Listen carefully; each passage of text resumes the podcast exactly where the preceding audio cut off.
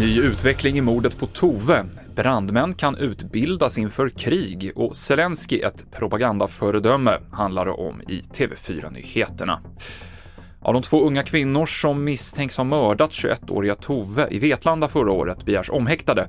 Hittills har båda nekat till brott, men nu planerar en av dem att ändra inställning till misstankarna. Det uppger hennes advokat för SR. Tove försvann efter en utekväll i oktober och hittades död två veckor senare i ett skogsområde. Regeringen vill återinföra civilplikten och Myndigheten för samhällsskydd och beredskap får i uppdrag att förbereda återinförandet inom kommunal räddningstjänst.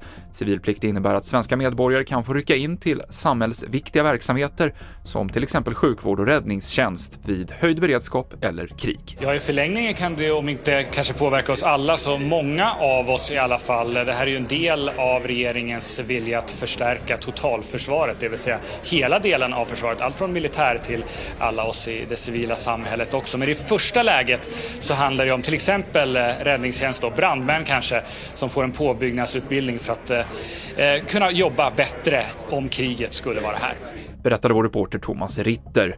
Och vi fortsätter inom försvarsområdet. Enligt Totalförsvarets forskningsinstitut, FOI, så har Sverige mycket att lära när det gäller informationskrigsföring. Ett exempel är hur Ukrainas hyllade president Zelensky bytte från kostym till militärgrönt efter den ryska invasionen. Och det är just det där, liksom den här enkla, effektfulla eh, kommunikationen som Zelensky med sin erfarenhet liksom, från skådespeleri och PR-världen har tagit med sig in i det här. Eh, som också blivit mycket av en markör liksom, för, för vad, eh, eller hur Ukraina kommunicerar. Ett exempel på informationskrigföring i den högsta skolan menar forskare från FOI och som Sverige kan lära mycket av. Inte minst det nya gränsöverskridande samarbetet mellan civila initiativ och myndigheterna. Det är en, en sån faktor som har också bidragit till att, att uh, formera liksom den, den uh, ukrainska kommunikationen så som den ser ut på sociala medier med mycket humor, mycket trollande, mycket sarkasm.